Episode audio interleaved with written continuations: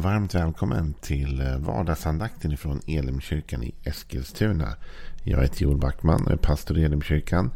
Om du vill veta mer om vår församling, vilka vi är, vad vi tror på eller hur du kan utnyttja någon av de resurser vi vill få erbjuda dig. Gå in på www.elimkyrkan.com.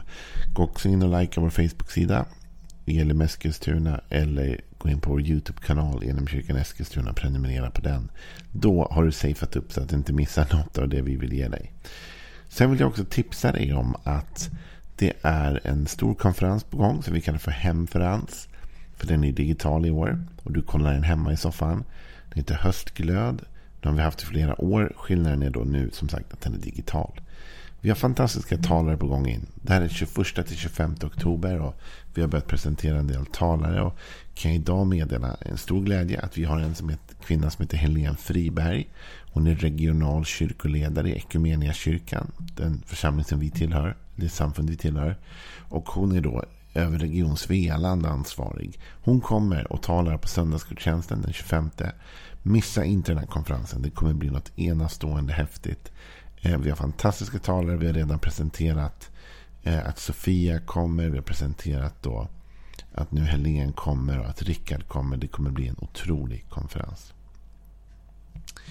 Vi läser lite grann i psalm 51. Och jag sa redan från början att vi kan inte ta vers för vers för det är för mycket. Men det är ju en psalm som handlar om att David försöker, han blir konfronterad med att han har varit otrogen med en annan kvinna. Han har dessutom varit med och indirekt bidragit till att den mannen dör.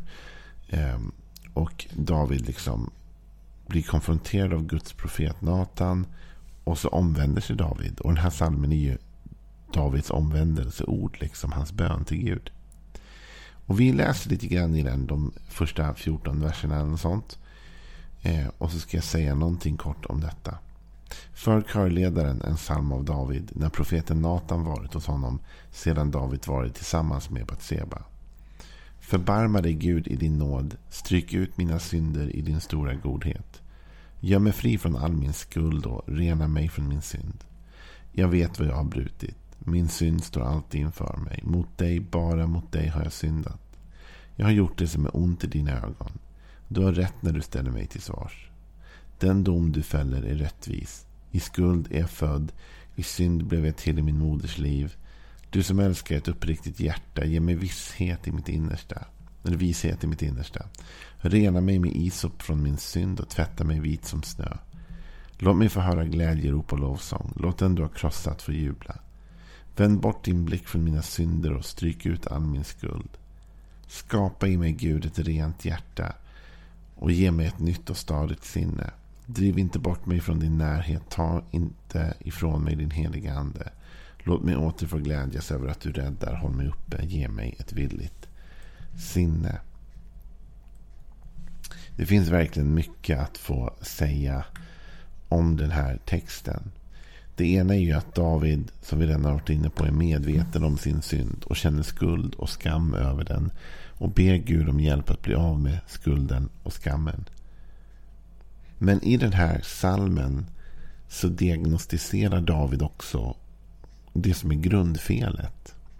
Och det här grundfelet som David diagnostiserar kan man säga är nästan alltid grundfelet i våra liv. Oavsett vad vi gör för någonting, oavsett hur symptomen, så att säga, vilka olika symptom vi kan ha, så är det nästan alltid samma grund som leder oss in i de här knasiga situationerna i livet. Och då säger någon, vad är det då för någonting? Var inte, liksom, var inte det stora problemet här att David var otrogen med Batseba? Nej. Det är symptomet av vad som är fel med David. Men var inte felet att han liksom såg till att Batsebas man blev död? Nej, det är symptomet på vad som egentligen är fel. Förstå mig rätt, båda de sakerna är groteskt fel.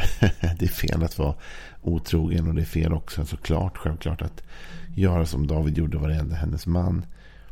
Men egentligen så är det bara symptomen på något annat som var fel hos David redan innan. Eh, och det framgår i den här texten. För det är när vi kommer ner till vers nummer 12 så säger David så här. Skapa i mig Gud ett rent hjärta. Ge mig ett nytt och stadigt sinne. Driv inte bort mig från din närhet och ta inte ifrån mig din helige ande. Låt mig åter få glädjas över att du räddar. Håll mig uppe och ge mig ett villigt sinne. David talar om att hans hjärta är skadat eller smutsigt eller orent. Och han ber Gud om ett rent hjärta. Och han ber om ett nytt och ett stadigt sinne. Alltså det som händer i vårt hjärta. Det är det som sen spelar ut sig i våra liv. Och jag brukar säga det ibland när man pratar med människor. Och att liksom ibland säger folk kanske att jag bara råkade vara otrogen. Nej, det gjorde du inte. Utan en process som har lett dig dit. Ofta det vi tycker att vi bara råkar göra är sedan ett tag implanterat i vårt hjärta. Det har liksom såtts frön in i vårt hjärta. Och det som växer i vårt hjärta. Det kommer alltid att blomma ut. Det kommer alltid att producera. Faktum är så här säger Ordspråksboken, det fjärde kapitlet. En, en av de, några av de mest välkända verserna där. Ordspråksboken 4.20. Min son, lyssna till vad jag säger. Hör noga på mina ord. Släpp dem aldrig ur sikte. Bevara dem djupt i ditt hjärta. Ty de ger liv åt den som finner dem och läkedom åt hela hans kropp.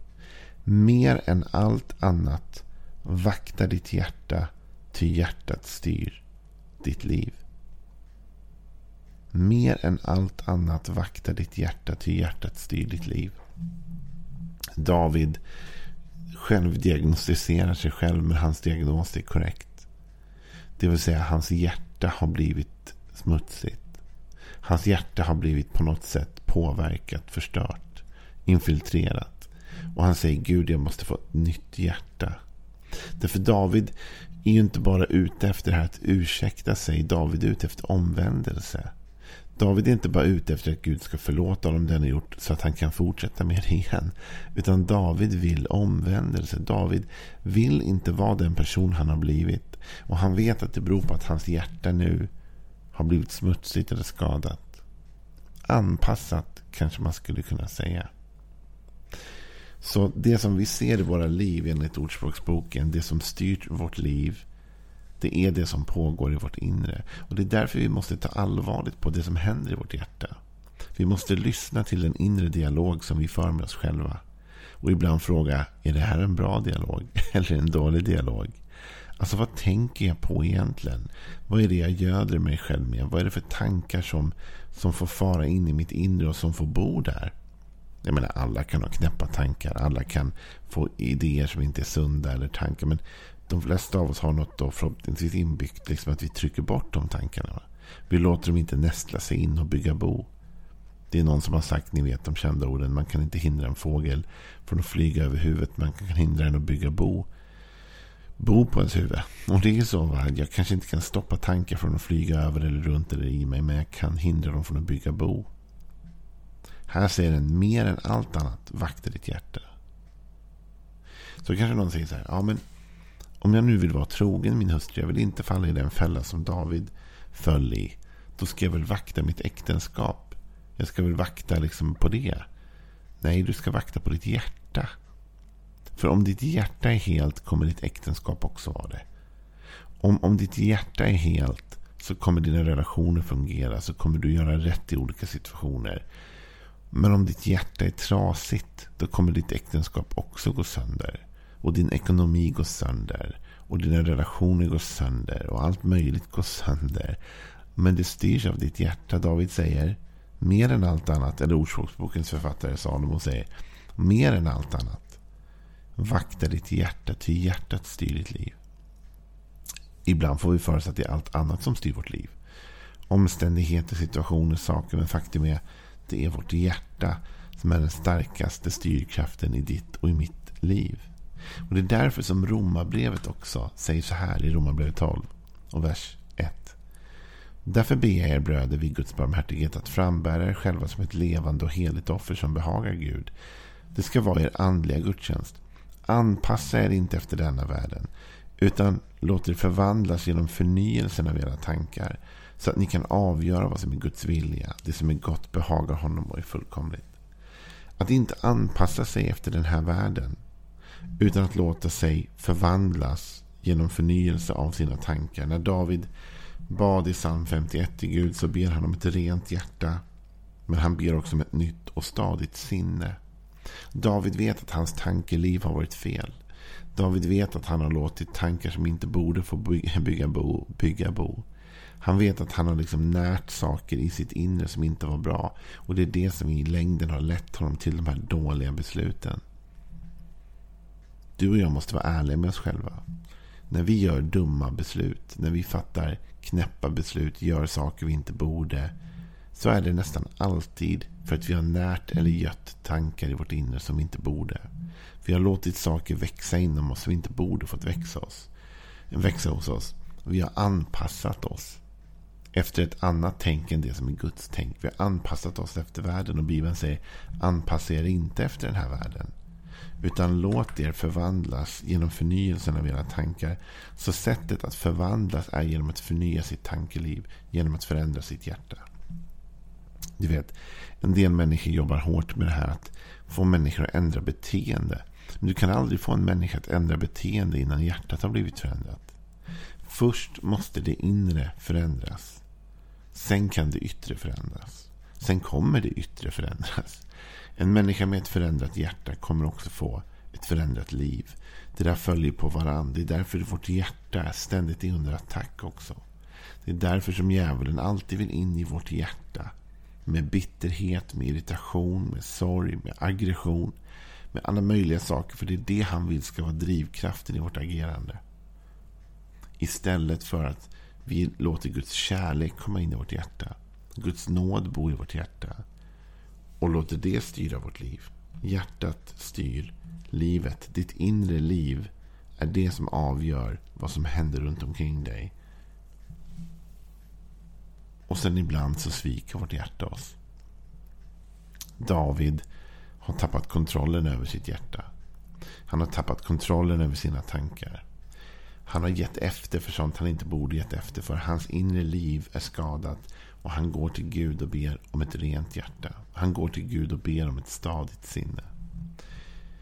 Lägg märke till att David vänder sig till Gud för den hjälpen. Det är inte så att David bara säger nu ska jag minsann Eh, liksom, ha ett bättre hjärta. Nu ska jag minsann tänka bättre tankar. Han säger ge mig ett nytt och stadigt sinne.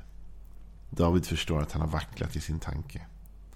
Ge mig ett villigt sinne, säger han lite senare också faktiskt. Men ändå, ibland sviker vi oss själva. Vårt hjärta sviker oss. Det kan vara väldigt svårt. Hur ska man tänka då? Det finns ett fantastiskt bibelord i första Johannesbrevet 3 och vers 19. Det står så här. Om vårt, och om vårt hjärta dömer oss kan vi inför honom övertyga det om att Gud är större än vårt hjärta och förstår allt. Gud är större än vårt hjärta och förstår allt. Vet du, Gud är större än vad ditt och mitt hjärta är. Ibland sviker vårt hjärta oss, men Gud sviker oss inte. Och Gud förstår allt. Han vet vad som har drivit oss i en eller annan riktning. Det han vill är inte liksom att vi ska bota nu för allt, alla fel. Han vill inte att vi ska liksom stå där och göra bättring och bot och skämmas över vårt inre förfall. Det enda Gud vill är den bön David ber. Att vi kommer till Gud med en insikt om att vårt inre kan vara skadat. Och att vi säger till Gud, Gud, skapa i mig ett rent, ett nytt och rent hjärta. Och ge mig ett nytt och stadigt sinne. Förvandla mig, Gud. Gör ditt verk i mig. Så om du tycker just nu i ditt liv att du fattar en massa dåliga beslut utan att känna dig och utan att veta vad du går igenom så kan jag säga följande. Jag kan sätta en diagnos på dig. Det är ditt hjärta som sviker dig. Det är ditt inre som leder dig fel. För det är hjärtat som styr ditt och mitt liv. Så det du och jag behöver göra är att be Gud om ett nytt hjärta. Det du och jag behöver göra den här liksom onsdagen det är att vända oss till Gud och säga Gud, ge mig ett nytt hjärta. Och hjälp mig att stabilisera min tanke. Att inte anpassa mig efter den här världen. Utan istället låta ditt ord styra mitt inre. Det är möjligt. Gud är jättebra på hjärttransplantationer. Ge honom chansen att transplantera ditt inre idag.